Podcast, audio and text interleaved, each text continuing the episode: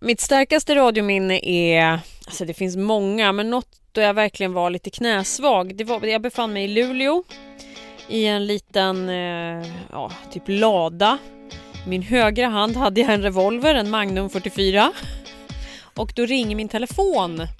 Så mitt i allt detta skjutande som jag faktiskt höll på med så, så eh, svarar jag och då är det min dåvarande chef och han är i någon form av extas, jag hör inte vad han säger. Men då har det varit en prisutdelning i Stockholm och eh, Riks Morgonzoo som jag jobbade med då hade för första gången tilldelat fantastiska priset eh, Gyllene Hornet som inte finns längre. Eh, men där eh, lyssnare på, på spontan erinran, alltså utan alternativ utan bara på frågan vad lyssnar du allra helst på i radio? Hade sagt Riksmorgon så att vi hade vunnit det här priset och det var första gången någonsin i kommersiell radio och kanske första gången någonsin något annat än Radiosporten faktiskt vann. Det är också enda gången jag har varit med i Radiosporten för de var jättesnygga och proffsiga och gratulerade oss. Så det var stort för mig. Men, men eh, jag trodde liksom aldrig att vi skulle hamna där för när vi började göra Riksmorgon så och jobba på Rix FM var ingen som lyssnade, det var världens minsta program och det hade varit jättehårt jobb och jag hade nästan sprungit in i en vägg och hade liksom varit en jäkla åktur och så plötsligt så hade vi liksom folkets och våra lyssnares kärlek och det är ju det enda som egentligen betyder någonting. Så att för mig personligen och nästan på ett privat plan så är det mitt absolut starkaste radiominne. Jag var alldeles skakig och sen jag försökte skjuta den där Magnum-revolvern igen sen och fortsätta göra reportage, vilket var det jag höll på med, så eh, hoppade axeln nästan ur led. Radiofabriken den här veckan med Titti Schultz. Och hon pratar och pratar.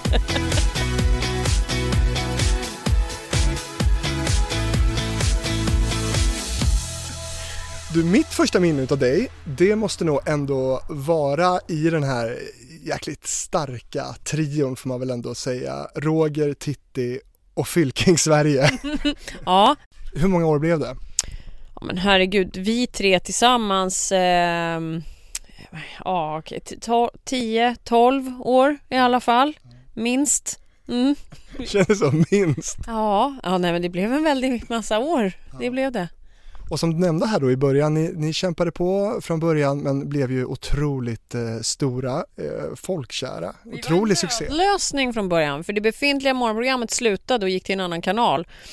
Och jag gjorde morgonradio med dem, det var Jesse och Logna eh, som sen gick till Megapol. Eh, och då fick jag höra att det enda jag inte skulle göra var morgonradio för nu var jag så förknippad till dem. två. Och jag såg framför mig, ja nej då får jag jobba receptionen och det är nog också trevligt.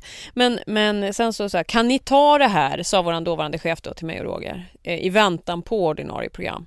Och absolut sa vi, sen höll vi på med det tills vi gick skilda vägar. Hur märkte ni att det blev en sån stor succé? Ja, alltså först tyckte jag att vi fattade vad som hände. Eh, när folk började prata om oss. Vi, alltså vi hörde ju vårt liksom vi hörde Riks allt oftare när vi själva var ute och rörde på oss. Alltså jag minns första gången jag hörde Riks FM i Alltså jag kommer ihåg att jag lutade mig in och skulle ta en mjölk på ICA Sabis hette det väl, eller Sabis i alla fall, vid Gullmarsplan där jag bodde då. Och att jag hörde att man hade valt Rix FM som sin kanal där och då tänkte jag på att det var stort verkligen. Mm. Eh, och då tänkte jag, tänk om någon lyssnar. Sen började folk prata, taxichaufförer och sådär berätta att de lyssnar på morgonen och sådär. Nej, det liksom rullade på sådär. Det var en, en, det var en väldigt långsam process. Det gick ganska trögt. Vi hade många dippar. Eh, det var förtvivlat läge ibland. Eh, det var en vinstdrivande verksamhet också så att man hade en blåslampa i själva rumpan. Eh, men, men det var liksom långsamt, långsamt. Vi åkte ut och sände. Det kom fler och fler människor och tittade på och ville lyssna och ville komma fram och prata och sådär. Så att det stegrade sig och sen efter ett tag så gick det ganska fort att det blev väldigt många människor och vi hade liksom vi hade event i Kungsträdgården och det var liksom smetat med människor från scenen i Kungsträdgården som säkert många har passerat någon gång och bort till liksom Hamngatan där det stora varuhuset NK ligger och sådär. Gjorde den här succén någonting med dig? Absolut. Jag blev eh, vi jobbade väldigt hårt. Eh, jag piskade på mig själv väldigt mycket så att det var inte alltid hälsosamt. Men sen hade jag också, alltså jag, jag växte som person såklart. Jag blev väldigt trygg i mig själv, eh, både med självkänsla och självsäkerhet eh, som inte bara har naturligtvis med jobb att göra men det jag märkte att jag var duktig på mitt jobb. Det gjorde något med mig.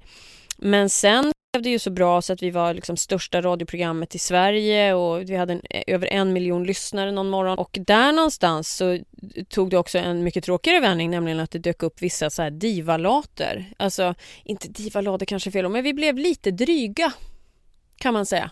Mot, eller hur, hur yttrade sig det? Men alltså, pff, vi tog saker för givet och när vi var ute och sände bara vad är det för hotell och vad är, ska vi ha det så här och nej vi orkar inte jobba så och nej men vet du vad det där får någon annan ta och vi åker inte och gör det. Alltså där någonstans hamnade vi lite grann. Och eh, strax efter det började vi tappa siffror också. Och det var en bra läxa kan jag säga. Jag kommer aldrig att bete mig så igen. När jag tittar på den Titti så var hon inte helt skön, det var hon inte.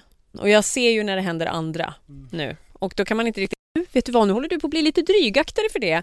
Men det var nog nyttigt för oss. Det var tur att vi tappade lite lyssnarsiffror där. Det var ingen katastrof det heller, men det var inget jättetapp. Men, men det var en, en nyttig läxa. Och då lärde vi oss att kavla upp ärmarna igen och göra skitgörat själva också. Det är liksom det som är radio. Man måste göra både det roliga och det lite riktigt jobbiga. Men trots att ni då var någon slags nödlösning, hur mycket jobbade ni med eh, karaktärs uppbyggnader och sådana saker? För ni, ni kändes ju väldigt mycket karaktär. Mm. Och vad obehagligt att säga det eftersom vi inte var det. Alltså inte påhittade karaktärer men att ni hade er väldigt tydliga profil eller vad man säger. Eh, vet du, jag tror att det var, det var faktiskt bara tur. Det är därför många försökte göra samma sak som vi gjorde. Eh, och jag kan fortfarande liksom se exempel på att man liksom försöker känna lite på det. Jag får ibland frågan vad var hemligheten? Du vet sådär. Det fanns ingen riktig hemlighet utan vi var, vi var tre personer. Från början var det jag och Roger som har känt varandra fruktansvärt länge eh, och var goda vänner från början, liksom, kollegor som blev goda vänner och umgicks mycket privat och sådär. Eh, sen jobbade vi mer och mer och då umgås man mindre och mindre privat för att man får vad man tål av varandra ändå. Men, men eh, vi tog helt enkelt våra egna personlighetsdrag, eh, det vi gillade och ogillade med varandra och vi drog det så långt vi kunde. Jag blev jättepryd för vi hade Gert som var jättesnuskig och alla de här sakerna, så jag är lite pryd men jag drog ganska hårt på det. Alltså jag har ju alltid sagt att jag sparar mig till äktenskapet för att slippa prata om ett eventuellt sexlivs varande eller icke varande. Eh, och det har ju funkat jättebra. Det finns fortfarande folk som tror att, och det kanske de gör rätt i, att jag sparar mig till äktenskapet eftersom jag är fortfarande är ogift. Eh, nej men det, var, det är liksom ett sätt att liksom hårdra saker och ting. Mm. Sen det var ju liksom, det var en amerikansk konsult höll man på med mycket inom kommersiell radio och gör fortfarande och det jag fattar inte att man fortfarande kämpar på med det och tror att det är lösningen. Men hur som helst, då um, sa de alltid, de kunde titta på en bild av oss tre, Roger, Titti och Gert och så bara en bög, en liten tant och en farbror, vad ska det bli av det? Det där kommer aldrig att gå. Ja. Vi är olika lyssnare i Sverige och USA kan man konstatera. Så att jag, är, jag är väldigt, väldigt stolt över det vi gjorde tillsammans. Så. Gjorde ni några studieresor eller så till, till andra, kanske amerikanska radiokanaler och sådär? Jag jobbade på Rix FM länge, sen jobbade jag på Bauer Media och Energy. Eh, och jag kan väl säga så här att jag har blivit lovad så många resor till USA och jag har en som stod inskrivet i kontrakt som aldrig blev av. Så att nej, just det blev det inte. En liten sväng till Paris och Energys huvudkontor där vi skulle hälsa på det franska morgonprogrammet som de är superstjärnor. Eh, när vi kom var de så osams så det besöket blev inställt. Men det var också kul. Vi tittade på dem genom ett fönster och konstaterade, titta de bråkar som vi gör. Men du saknade den där, liksom, vad ska man kalla den för, eh, storhetstiden med Riksmorgonzoo? Nej, jag gör faktiskt inte det. Eh, det var väldigt, väldigt roligt när det hände och när det var och det var en lång period av, ett, av mycket njutande av det vi hade liksom kämpat hårt för. Eh, och som jag, som jag nämnde, jag är jättestolt över det vi åstadkom och kommer alltid att vara. Och det, var, det är också, nu kan jag, jag ta på mig en så pass stor hatt, jag kan säga att det vi gjorde var ganska historiskt. Definitivt inom kommersiell radio hade det ju aldrig någonsin hänt tidigare i Sverige. Eh, och jag, vill, jag äger verkligen det. Jag, jag, jag vill verkligen Ja, men jag, jag, är, jag är väldigt glad att jag fått uppleva det och försöker numera hålla mig mycket ödmjuk inför det också. Men som till exempel när jag lämnade Energy så tänkte jag att nu ska inte jag göra mer radio. Och sen ringde Sveriges Radio och frågade om jag ville göra Stockholmskanalen, ja, P5 Stockholm och P5 Morgon som, om man ska vara väldigt brutal, ingen lyssnar på. Och så tänkte jag, jag pratade också med några kompisar om det här och min sambo naturligtvis att shit, finns det prestige i det här? Ska jag gå stora nationella morgonprogram till att göra ett litet då, lokalt program, man vet, även om det är en huvudstadsradio som hörs ganska vida omkring. Så, sen så pratade jag lite grann med mina chefer på Sveriges Radio och sådär och eh, har ju fått väldigt fria händer och en möjlighet att göra en sorts radio som känns jättespännande och jätterolig igen och då tänkte jag bara att nej, det är inte att många lyssnar som är det absolut viktigaste för mig utan att de lyssnar får något riktigt härligt. Så att det är min drivkraft. Och det har liksom hjälpt mig att hitta lite grann det där pirret för radio igen. Att jag liksom är, det som är kärleken för radio. Du, vad har du för kontakt med Gert och Roger idag?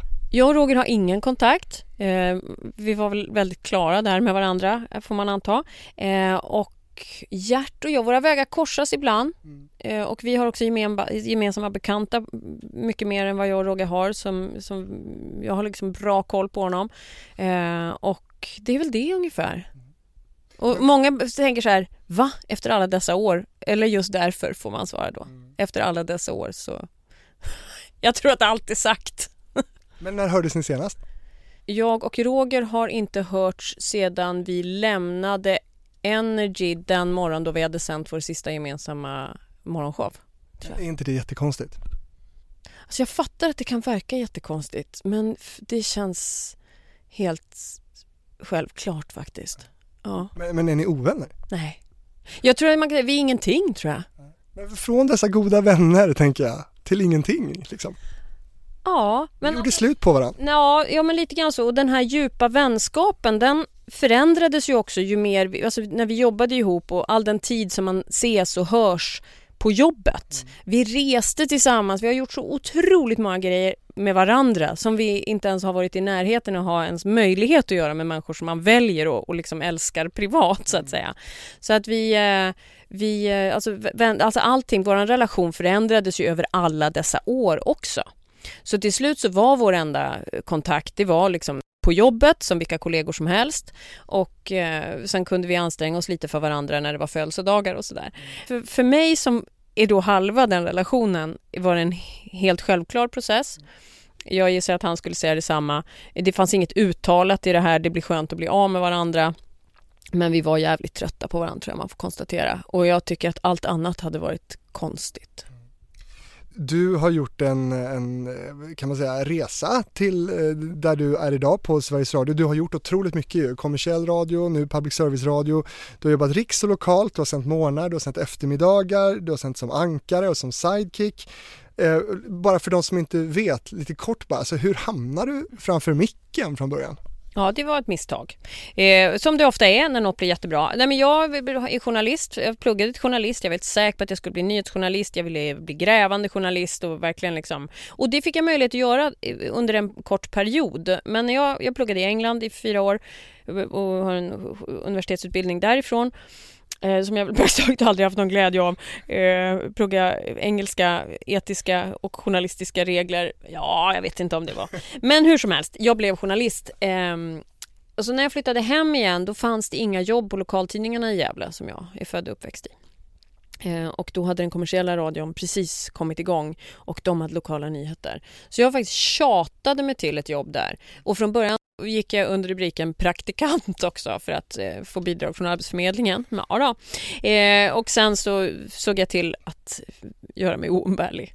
Nej, men och, så, och där fick jag gräva och det var politiker som var på sexklubb i Bryssel och sådär så det var ju jättespännande. Jag fick ju leka att jag var Janne Josefsson ett tag. Men sen gick det mer och mer åt program och fler och fler intervjuer med artister och, och att det liksom drogs mer åt programhållet.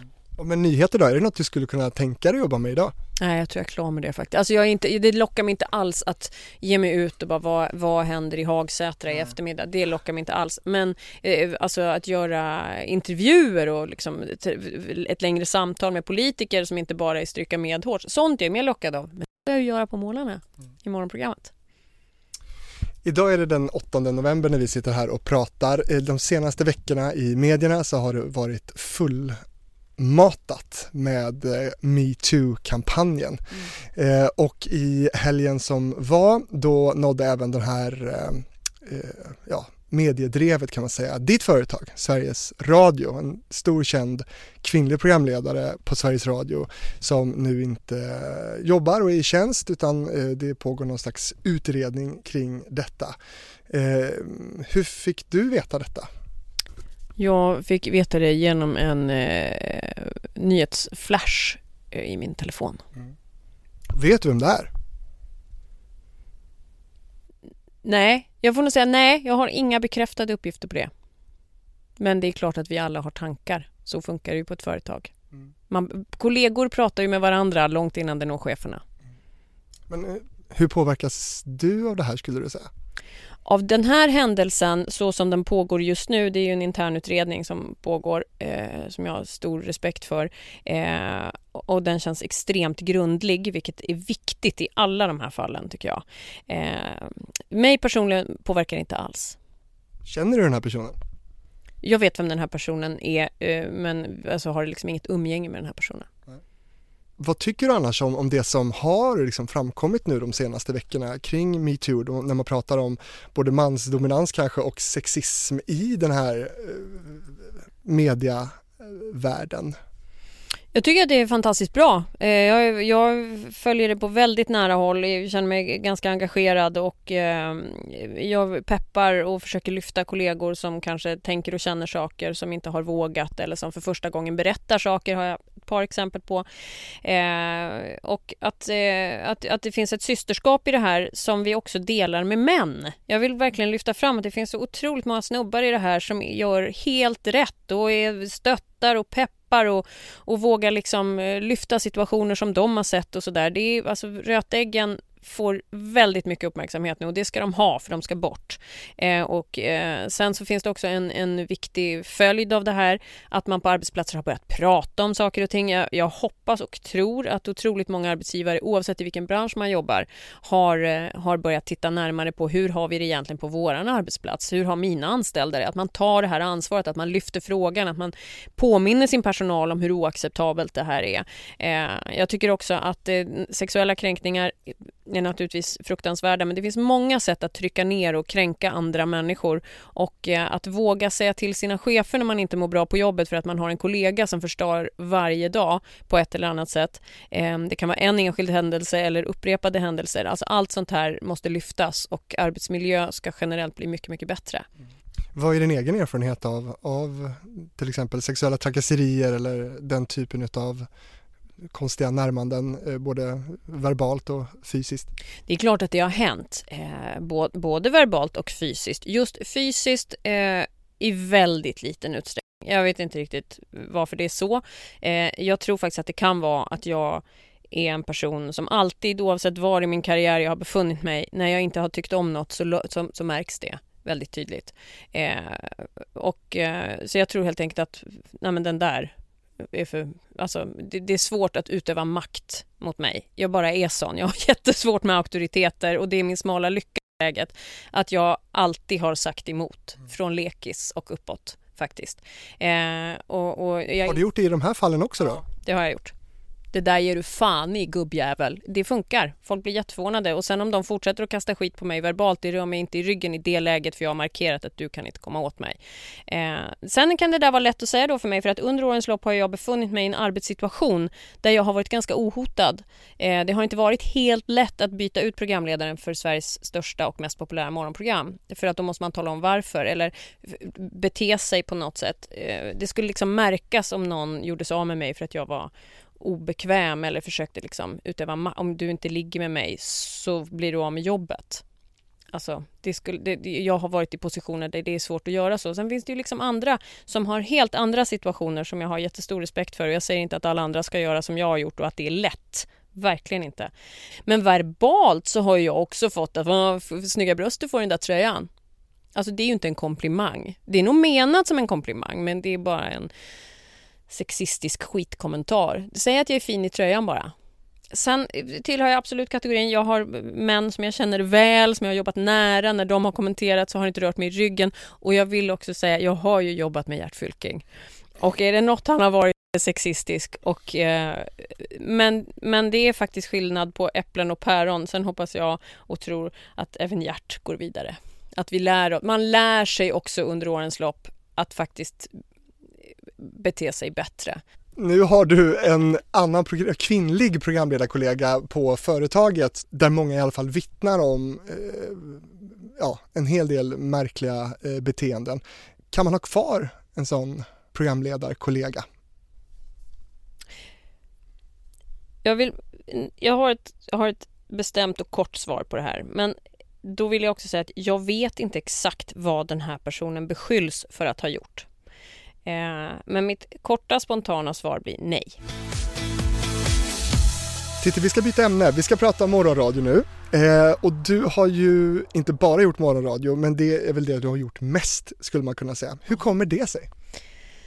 Um, Ja, hur kommer det sig egentligen? Nej, men det var ju just det här. Eh, jag, jag, berättade tidigare att jag jobbade lokalt i Gävle. Sen jobbade jag lokalt i Stockholm en period, bland annat på en trafikredaktion som Rix FM hade.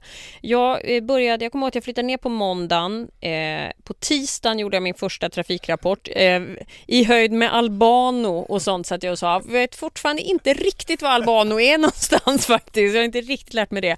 Men, men eh, e E18. Ja just det, åt, eh, man kör samma riktning som mot Täbyhållet va? Norrtäljevägen. Norrtälje, tack ska du ha. Ja, nej men som sagt, jag åker ju oftast buss om jag ska någonstans. så det var ju en katastrof naturligtvis, men jag fick harva på där ett tag. Eh, det ringde folk in och bara, du har ju inte en jävla aning om vad du pratar om. Nej det är sant, vad borde jag ha sagt då? Hjälp mig. Så att lyssnarna var till stor hjälp för mig. Men, men och då satt jag där en dag och då stack min dåvarande programchef in huvudet och sa Skulle du vilja sända lite grann på morgonen med killarna? Det behövs en tjej. Ja, sa jag. Och sen fick jag vara lite skrattmaskin där och sen började jag ta mer och mer plats och visade väl att ja, men jag var det kvinnliga alibit ett tag. Ja. Det här känner många tjejer till. Och sen började jag ta mer och mer plats och så på den vägen är det. Mm. Många med mig och du och många på Sveriges Radio och kommersiell radio jobbar just med morgonen som är det största programmet ofta, har flest lyssnare. Eh, för många funkar det och för många funkar det inte alls just med morgontiderna så här. Jag tänker, vad har liksom livet med morgonradio gjort med dig? Ja, det har ju mest förstört. Nej, ja, alltså jag är väldigt sparsmakad med mitt, mina, alltså det sociala livet i veckorna. Mm. Min sambo har ju instiftat en regel om vi blir bortbjudna på middag och faktiskt går på en fredag. Då ska det vara människor vi känner väldigt, väldigt väl för att han vet att ibland redan innan desserten så somnar jag någonstans. Så då vill han gärna att det är med människor som han är bekväm med och vi har träffat många gånger. Har det hänt alltså? Det har hänt mer än en gång. Mm. Ja. Eh, men sen om jag får en halvtimme, 40 minuter så är jag med sen framåt 3-4 på morgonen bara. Jag får ladda om där, absolut. Mm. Nej men eh, det är klart att jag eh, tänker mig för, det gör jag. Men jag har lärt mig att jag missar en massa roligt. Men det funkar ändå bra så att säga rent så här, ja, fysiskt då, att, att liksom ändå jobba de här eh, tidiga morgnarna. Ja, vi brukar säga, vi som har gjort ett tag, tre första åren är de värsta, sen har man vant sig. Eh, men det går ganska fort också att se vilka det är som kommer att hålla ut i tre år. Eh, eller som bara är helt enkelt smarta nog att göra något annat efter ett tag. Men, Hur ser man det? Nej, men du vet, det är för mycket gnäll på hur trött man är. Mm. Om man håller på och liksom bejakar det där trötta på morgonen, då är man körd. Det är bara, det är, man får låtsas att man mår jättebra. Jag säger till mig själv varje kväll när jag går och lägger mig, gud vad skönt det ska bli att sova åtta timmar och jag sover sällan mer än fem och en halv timme. Så att, men jag tror jättemycket på den där placebo-mentala lurerigrejen jag håller på med för mig själv. Mm. Eh, alltså man får inte gå in i, i, eh, i tröttheten. Och sen tror jag att det hjälper om man verkligen älskar det man får möjlighet att göra. Mm. Hur ser dina morgonrutiner ut då när klockan väl ringer? Oh, det är alltså preussisk ordning. Eh, klockan ringer, eh, den hinner knappt liksom gå ut första signalen. Det är ett brrr, brrr. Så har jag slagit av den och i samma rörelse reser jag mig upp. Hur många klockor har du ställda? Tre. Eh, behöver aldrig de andra två men jag vet ju att jag måste sluta med de andra två då är det kört. Så att jag har tre klockor ställda, flera larm på mobilen. Eh, så det är en liten procedur att stänga av det sen in i badrummet så har jag liksom olika sådär. Ja hur som helst och sen rakt in i badrummet, eh, tar min dusch som jag behöver för att vakna, tandborstningen, ut i köket, på med kläderna som lades fram dagen innan. La jag fram en ylletröja och det sen är 20 grader varmt, då blir det ylletröja i 20 grader. Det går inte att göra några ändringar. Jag kan inte börja tänka vad ska jag på mig istället. Sen tillbaka in i badrummet, två lager mascara på varje öga, sen eh, ner till bilen. Väloljat maskineri. Det finns inget annat sätt och på det här viset får jag också sova så länge som möjligt. Det här tar ungefär 25 minuter. Du, eh, ta oss igenom en vanlig dag för dig, hur den ser ut nu, alltså från då att klockan ringer till att du går och lägger dig. Vad har, vad har vi för eh, hålltider? Jag vill gärna ha tidsangivelser. Jaha, okej, okay, ja. Jag sladdar in här på jobbet klockan fem. Eh, när ringde klockan då? Ja, då har den ju ringt Alltså numera går jag oftast upp tio kvart över fyra. Så att nu är jag här strax innan fem faktiskt. Men ja, vi säger att hon är fem då, att jag kommer hit. Eh, för det är då jag egentligen börjar min arbetstid. Då går jag in i studion, startar upp den, kollar att allting är okej. Okay. Är du alltid här fem? Ja, det kan diffa någon minut beroende på om jag hittar parkering fort eller inte. Men ja, och då får jag stresspåslag. Om ekot hinner börja, då vet jag att jag är sen! Eh, ja, så in här, så drar igång då våran studio som ligger i entrén här på Sveriges Radio. Man får gärna komma förbi och säga hej. Och Eh, ja, men då grejer jag liksom med alltså, tekniska saker så att vi kan ta över sändningen från de nationella sändningarna som har gått under natten och sådär. Sen eh, kollar jag lite grann vad vi ska ha för väder under dagen. Jag börjar kolla lite grann de stora rubrikerna, sånt som har hänt under natten. Vad har Trump haft för sig sen sist? Och sen eh, upp på redaktionen. Då är klockan kanske 20 över fem. Och då är jag oftast först, då får jag tända alla lampor och så får jag dra igång min egen dator. Det är ett litet tröskverk. Eh, sen så fortsätter jag surfandet och förbereda sändningen, läser på om gästen. Sen är det sändning från en minut till sex till kvart i tio. Och då, ja, inget program är ju det andra likt, men det är bara att mata på där. Sen är det möten. Eh, möten är en jättepopulär sak på Sveriges Radio har jag noterat. Gärna långa, Eh, inte alltid helt klart för mig vad vi kom fram till, men jag försöker vara där. Eh, åtminstone fysiskt. Och sen, herregud, kommer någon chef att lyssna på det här? Ja, jag går vidare. Eh, sen drar jag härifrån eh, någonstans ja, runt lunch kan man väl säga att det snittar på. Ibland går jag elva, ibland går jag två. Ja, det är olika. Och, eh, är det någon som har koll på det där eller?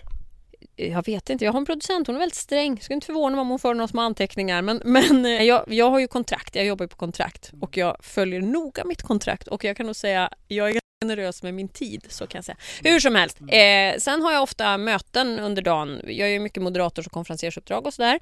Så då är det ofta något möte inför något sånt med någon uppdragsgivare och man planerar och så. Sen har jag skaffat hund, så jag har en hundvalp som är sex månader nu som jag är otroligt kär i. Så jag vill gärna hämta honom så tidigt som möjligt hos hans lilla dagmatte som jag tycker mycket om. Tack Sara för att du finns. Och eh, sen är jag med hunden kan träffa någon kompis, käka en sen lunch, ta en fika, sådana saker. Sen går jag hem och har jag varit borta på kvällen, alltså även om jag kommer hem åtta, så mår jag helt annorlunda dagen efter. Det här har kommit med åren kan jag säga. För att det har funnits tider då man har kunnat festa på ganska bra och gå till jobbet och vara hur bra som helst. Nu ligger jag lågt med att vara i säng efter elva kan jag säga. Nej, men så jag försöker lägga mig tio, klockan blir halv elva. Men då vill jag ha, jag vill helst ha haft en ganska lugn och skön kväll hemma. Liksom. Gjort grejer jag gillar, läst, pillat på datorn, sorterat en garderob, sådana grejer. Jag är pedant. så då är det läggdags där någonstans vid halv tio, eller halv elva ungefär. Det är en dag i ditt liv. Ja, det där är nog en ganska vanlig dag. Men har du några sådana här saker som, som du måste göra för att just fixa månaderna? Jag tänker på tydliga rutiner kring träning, mm. mat, sådana saker. Mat, not so much, men eh, jag har blivit bättre på frukost. Jag äter inte en hel chokladkaka innan tio längre, men... Eh, äter du någon frukost? Nej. Eh, under morgonen, under sändning, så äter jag ett ägg. Kanske en frukt, frukt också. Lätt 4-5 koppar kaffe. Det är det jag står mig på fram till lunch. Vilket jag kan säga till dig nu Fredrik att det börjar dra ihop sig. Det mm. kurrar lite. Mm. Så att om det är något ljud så är det det. Eh, men, men, eh, nej, men jag är jättedålig på min frukost. När det gäller träning så tränar jag två gånger i veckan med personlig tränare. Det är min lyx i livet. Det gör jättemycket. Jag har verkligen märkt eh, att eh, träningen och att vara effektiv kring den gör att jag orkar mycket, mycket mer. Har du några så här fåniga grejer? Jag jobbar också en del, hel del månader och jag har sån här kräm under ögonen och sådana här saker. Har du några sådana så här skönhetsgrejer? Ja, men, men har du några sådana fåniga grejer? Jag vill undersöka att jag tycker inte det här är fånigt alls. Kräm är ju jättehärligt. Det, ju... det hjälper ju inte såklart. Nej, nej, det gör det inte. Ja, fukten tror jag på, men, men eh, nog fan smörjer jag, det gör jag. Men det har nog inte så mycket med det att göra. Det har jag gjort i nästan hela mitt liv, smörjer jag. Eh, det har jag efter min pappa. Han tycker också om att smörja in sig, åtminstone på kroppen. Du var ju verkligen en av Rix FMs absolut eh, största profiler får man säga. Och sen 2013 tror jag det var, mm. så kom beskedet att du och Roger och Ola då, Lustig, mm. skulle lämna Rix FM för att gå till Energy. Ja. Vad föregick det? Nej, men det var saker som eh, hände. Dels, dels så fick vi möjligheten att göra ett, ett morgonprogram, något nytt, börja på ett blankt ark. Och eh, den möjligheten tänkte vi nog alla att vi aldrig skulle få igen om vi tackade nej till den här möjligheten. Så det var ju spännande såklart. Och ett annat format som man tänker mycket på inom den kommersiella världen, musikformat och målgrupp och sådana saker. Eh, det var också kittlande sen var det också så att vi hade varit väldigt länge på Riks och eh, det hade varit en period av där det hände saker liksom, alltså internt, alltså chefsändringar och massa sådana där saker som också påverkar, eh, påverkade oss och andra kollegor. Eh, och då kände vi också att fasen, allting hade inte blivit till det bättre, tyckte vi. Och eh, så kom den här frågan och så när vi la ihop alla de här små grejerna så bestämde vi oss för att fasen, vi gör det. Vi gör det! Och så gjorde vi det. Men hur kom frågan? Det hade ringt lite i, eh, nu vet inte jag om jag får säga det här, det finns kontrakt, alltså där jobbar man ju på kontrakt och så finns det överenskommelser som är ömsesidiga. Och bland annat så finns det, fanns det en klausul att det ens fick prata med konkurrenter under vissa tidsintervaller som var preciserade. Och det ringde ibland från någon konkurrent och sa hej, skulle ni vilja ta en lunch? Det vet alla vad det betyder i den världen. Eh, det betyder vi har ett förslag till er och vi är redo att betala mycket pengar. Eh, så illa är det. Ja, så då, men då fick vi tacka nej till de här luncherna och det gjorde vi med glädje var inte ett dugg intresserade. Vi, har, vi trivdes så fruktansvärt bra där vi var. Riks FM, det finns en anledning till att vi var där väldigt, väldigt länge. Jag vill verkligen säga det. Jag trivdes otroligt bra där. Det finns de som tror att det finns en beef eller så. Jag kan sticka hål på det direkt. Det gör verkligen inte det. Utan jag hade det jättebra där och har träffat några av de bästa människorna jag vet på det stället. Eh, också några av de sämsta, men några av de bästa.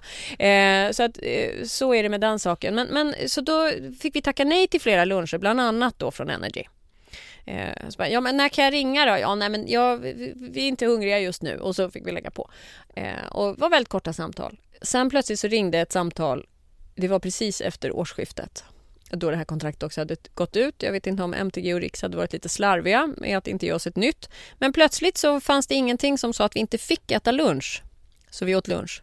Lunch är ju gott, man måste ju äta lunch. Det var precis vad jag och Roger sa till varandra, vi måste ju äta. Ja. Och så gick vi. Mm. Hur togs det här emot då på, på Riks FM? Inte så bra. Det är väl det jag kan säga om det. Eh, jag tror man blev förvånade, vilket jag förstår. Ehm, eh, alltså det kom nog väldigt out of the blue som det heter för de personer i ans alltså för alla tror jag. Men man såg ju oss som ett, ett möblemang som bara skulle stå kvar där. Kanske var det också lite grann det vi inte var jättelyckliga över. Att man tog oss för givet lite grann. Sådär. Även man tog väl hand om oss men det var också sådär att det, det där det lunkar på. Lite så. Men inte så bra, alltså vad, vad hände? Vad sa de? Eh, ja, vad sa de? En person blev alldeles tyst. Den andra personen tittade upp från sin dator för första gången under alla år som jag hade jobbat med hen. Eh, och tittade oss i ögonen och frågade vad kan jag göra? Finns det något jag kan göra? Alltså för att vi då inte skulle gå vidare med det där. Eh, men vi hade bestämt oss så pass att vi hade redan skrivit på våra papper för Energy. Och eh, sen sa vi att vår avsikt var att jobba tiden ut och göra precis det som våra kontrakt eh, ålade oss att göra. Och det gjorde vi också. Vi till och med höjde lyssnarsiffrorna vår sista period på Riks. Vi gasade allt vi hade. Det var det viktigaste för mig. det här har varit den bästa tiden i mitt liv. Jag tänker gå med flaggan i topp och med rak rygg tänker göra allting rätt. Och det gjorde vi. Det är ytterligare en sak som jag faktiskt är stolt över, att det inte blev något fult där. Och sen då, vad händer rent konkret? För i den kommersiella världen så är det väl också en del karantäner och sånt där man hamnar i när man byter kanaler. Vad, vad, är det för de som inte vet vad det är? Det är det bästa med kommersiell radio. Man kan säga att det är som i NHL. Nej, men man är, får inte jobba, man får betalt för att inte jobba. För att man, vad man då vill den första Tidigare arbetsgivaren vill att man ska bli så kall som möjligt. Helst att lyssnarna ska glömma en. En karantänstid kan vara allt från ett halvår till ett år. Vi hade faktiskt, eh, nu ska vi se, vi hade ett halvårs uppsägningstid som vi jobbade och sände och sen hade vi ett halvår i karantän innan vi fick börja sända på Energy. Innan vi ens får ta ett möte, innan vi ens får börja planera ett morgonprogram. Eh, så det var sex månader av woho! Göra vad man vill Eh, det var som ett långt, långt sommarlov fast det var på hösten. Det var naturligtvis bland det härligaste och något som man aldrig kommer att få uppleva igen och samtidigt så vill man ju bara börja jobba och göra någonting nytt. Men det står alltså i kontraktet som man har med den kanalen man är hos då att, att den här karantänen slår in om man ska gå vidare till någon annan helt enkelt. Men om karantänen är så bra då borde det locka att gå till en konkurrerande arbetsgivare, eller? Ja, fast karantänen är mycket kortare än den tid man sen tänker att man ska eh, som man sen tänker att man ska jobba på det nya stället. Så det är ju ändå mer motiverat att ha det så bra det bara går där man faktiskt jobbar. Ja. Och du, eh, Hur var det att byta nätverk då i den här kommersiella världen när ni hade varit så många år på, på Rix FM? Vad, vad var det som mötte er på Energy? Alltså mycket är ju väldigt snarlikt, man alltså tänker och strategier och sådär. Det finns ju väldigt snarlika saker. Sen hade vi några egna grejer tror jag som vi valde att använda i, i hur vi la upp programmet och sådär. Men och det var väl också det man hoppades att vi skulle göra. Men att gå till, eh, det var, det var välkomnande med viss skepsism. Skepsis. Det, det är också så att när några nya kommer så är det några andra som har fått sluta och det var ju människor som hade jobbat med dem och tyckte om dem och vi tyckte också om dem.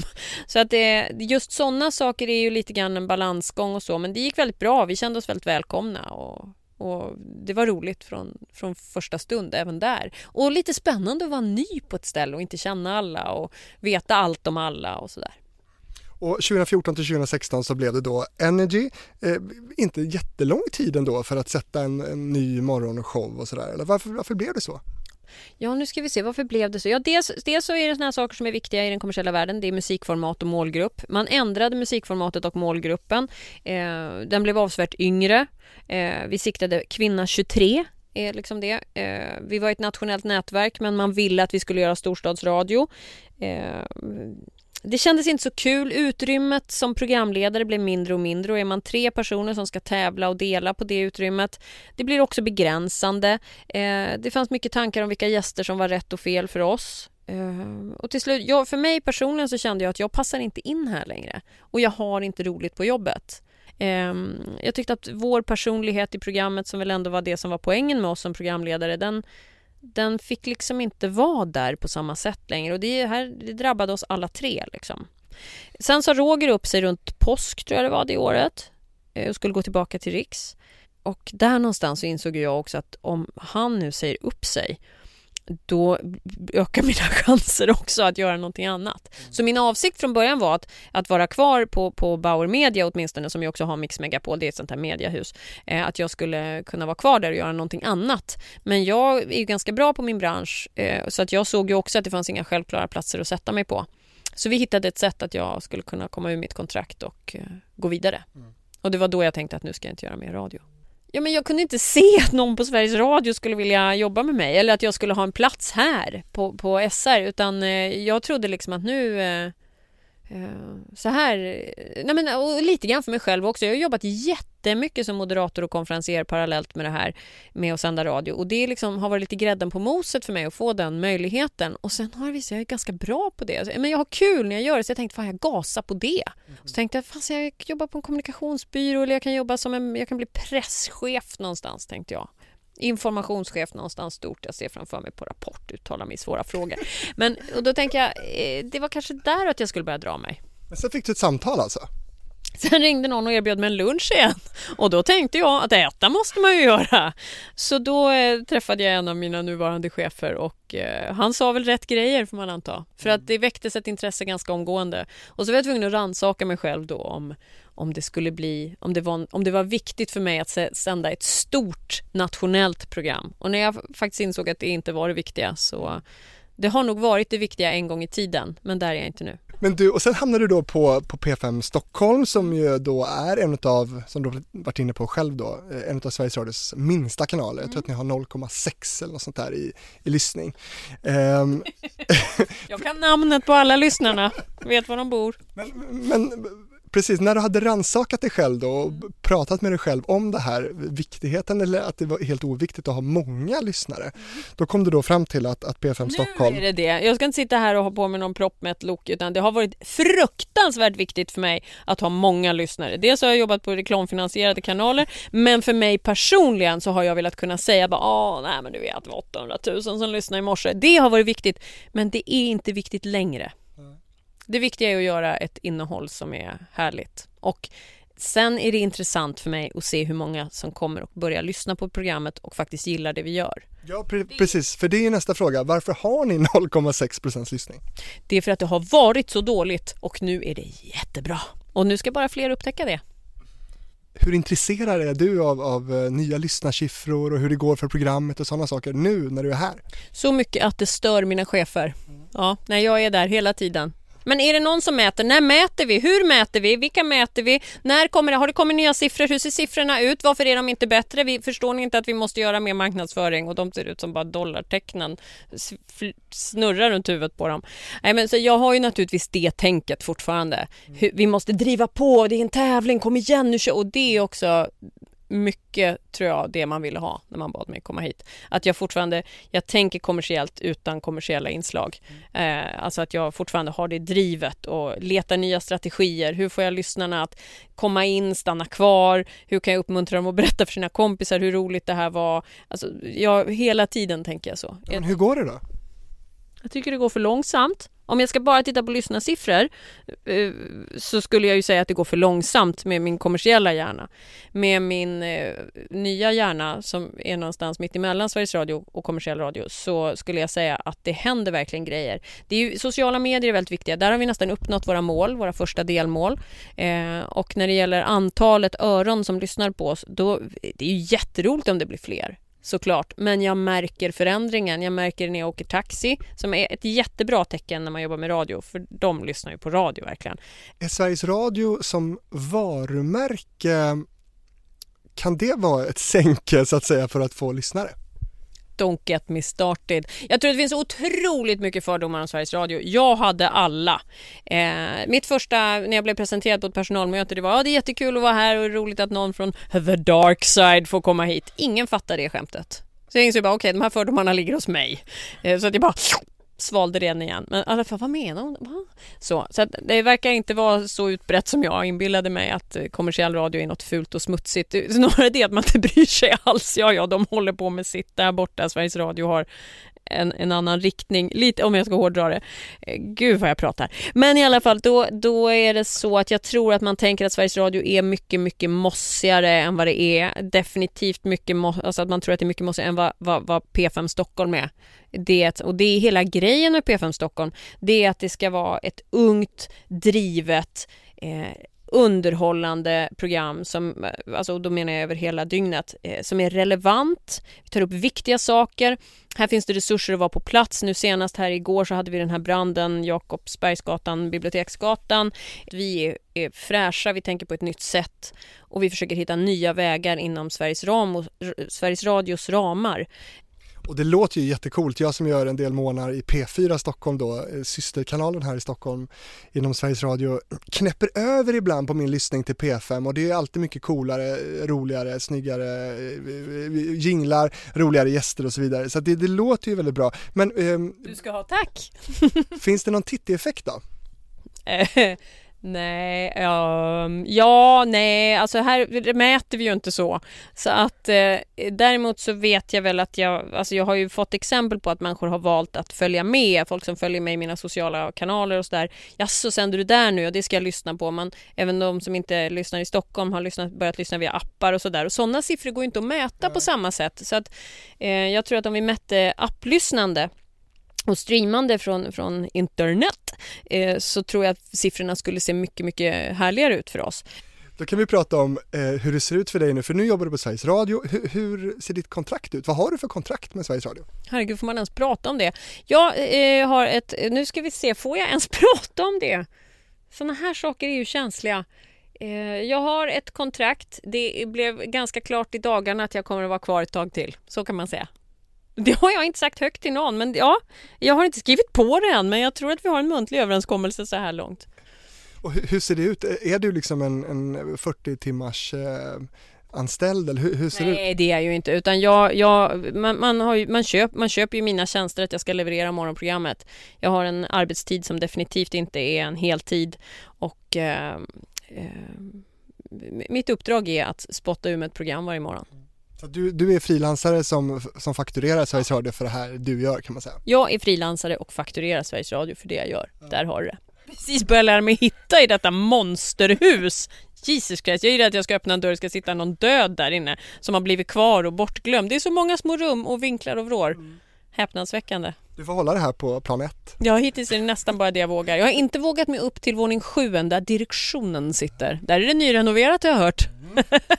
Du, vad är de största skillnaderna då, skulle du säga, jobba med kommersiell radio och eh, public service radio?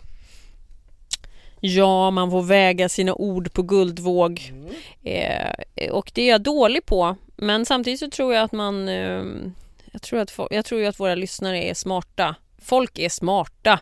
Det är ju som jag har ju väldigt svårt för det här om någon råkar droppa ett varumärke och säga ICA. Ja, jag var på ICA igår. Det här hände ju mig.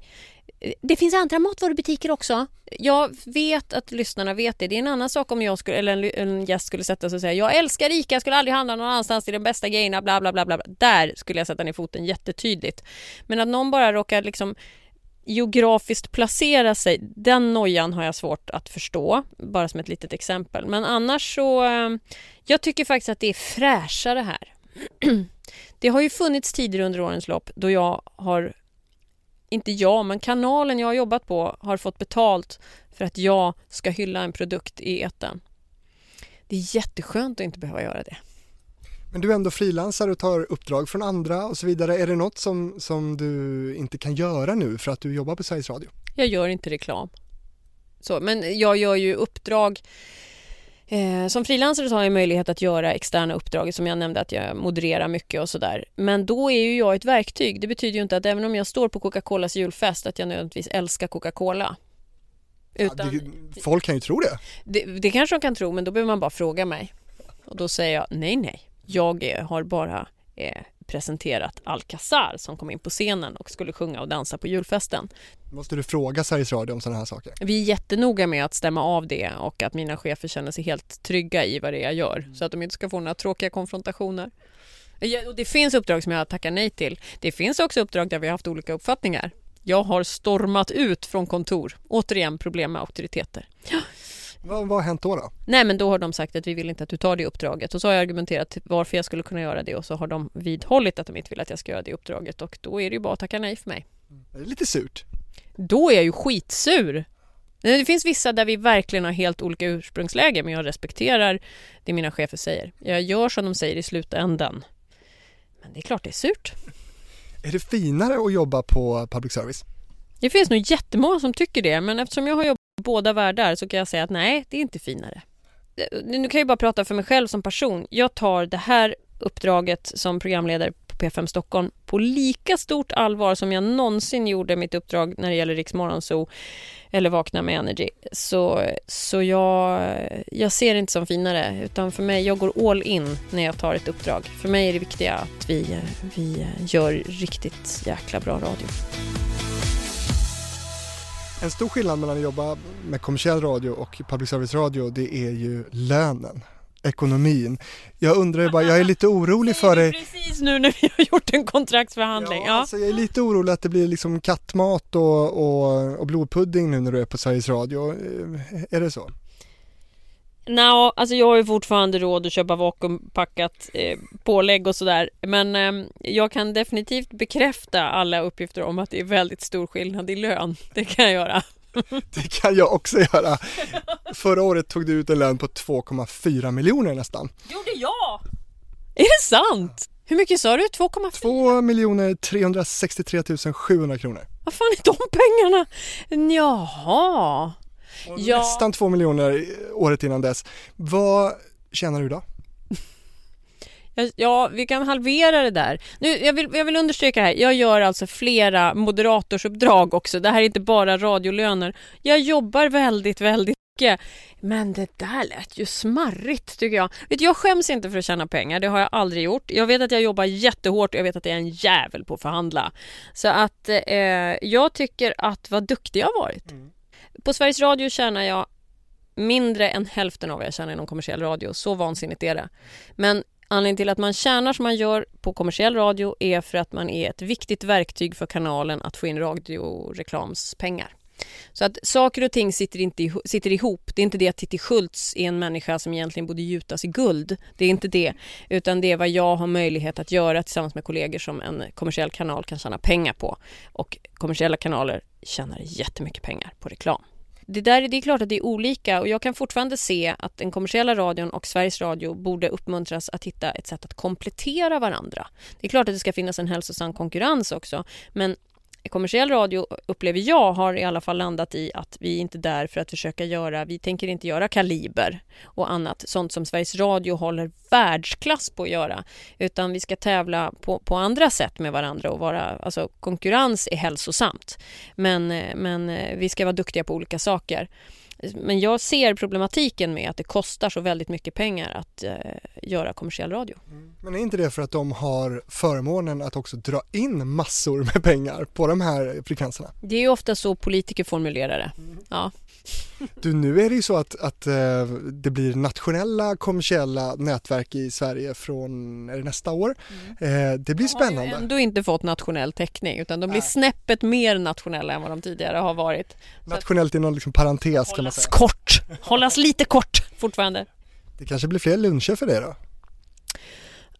Fast just nu känner jag mig ganska mätt faktiskt. Jag, jag, sitter inte här och är sugen på lunch just nu. Nej. Men vad, vad skulle krävas för att, att inte bara bjuda dig på lunch utan också liksom på middag?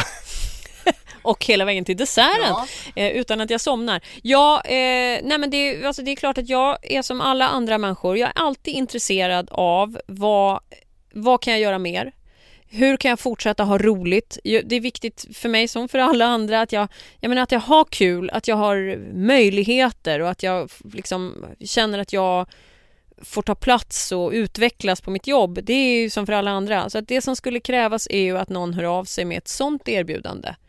I nuläget så skulle jag vara extremt svårflörtad. Du, det kanske blir en programledartjänst ledig snart beroende på hur det går med din kvinnliga kollega här som är lite utsatt i medierna just nu. Mm. Skulle du vara intresserad? Du menar om de skulle bjuda på en lunch ja. från korridoren ja. någon annanstans? Ehm... Och till en betydligt större publik. Vet du, jag äter ju, mat ska man ju äta. Mm. Just nu gör jag P5 morgon och älskar faktiskt varje sekund i den där studion. Men eh, som sagt, jag är ju inte döv eller avstängd. Nej. Du, eh... du vet, ska jag vara helt seriös på den frågan ja. så hoppas jag absolut att det finns möjligheter för mig inom Sveriges Radio. Att jag får etablera och bygga ett fantastiskt morgonprogram eh, på P5 morgon. Det är allt jag vill. Men det är väl klart att när åren går så är jag ju intresserad av att se vilka, vilken utvecklingsmöjlighet har jag på Sveriges Radio. Kan du tänka dig mig som programchef någonstans här? Eller vad heter det här? Det heter kanalchef tror jag här, mm. är motsvarigheten. Om du har svårt med auktoriteter kan du ju bli en själv. Mycket bra lösning. Jag är jättebra på att vara auktoritär. Du, eh, vad har du förresten för favoriter när det gäller eh, programledarkollegor? Både här och i andra mediehus? Ylva Lilja. får jag faktiskt lyfta Ylva Lilja som jag önskar fick avsevärt mer utrymme i svensk radio kan jag säga. Som sänder eftermiddagar på P4 Stockholm? Just det, det gör hon. Henne ska man lyssna på. Grym, rolig, snabb, trygg, bra jag ska trycka ut en affisch och ha hemma på Ylva. Nu har vi pratat en timme om dig här. Hur har det känts? Ja, jag sitter här och tänker, vad är det jag säger egentligen? Vad har jag sagt? Vad kommer det att bli av det här? Nej, jag står för vartenda ord. Gör jag det? Nej, jag vet inte. Jag pudlar. Nej, vet du, det känns jättekonstigt. Det är extremt obekvämt att sitta så här. Samtidigt en dröm naturligtvis för ett radioego att prata om sig själv och samtidigt det värsta som kan hända. Är det något jag borde ha frågat dig om som jag inte har frågat? Förmodligen, och låt oss stanna där. Du som vill se mer av, av Titti Schultz eh, får gärna gå in på Facebook och Instagram. Vi ska spela in ett litet extra material där man i rörlig bild kan få titta på hur det ser ut i studion och ser en morgon när du och Farsad gör P5 Morgon. Och eh, det ska bli jättekul naturligtvis. att titta in. Välkommen Fredrik! Ja. Och du som lyssnar på det här och har frågor eller förslag på gäster som jag ska träffa i radiofabriken får gärna mejla till fabrikspost gmail.com. Titti Schultz, tack så mycket för att jag fick eh, prata med dig. Tack för att du ville prata med mig. Det här var en kick.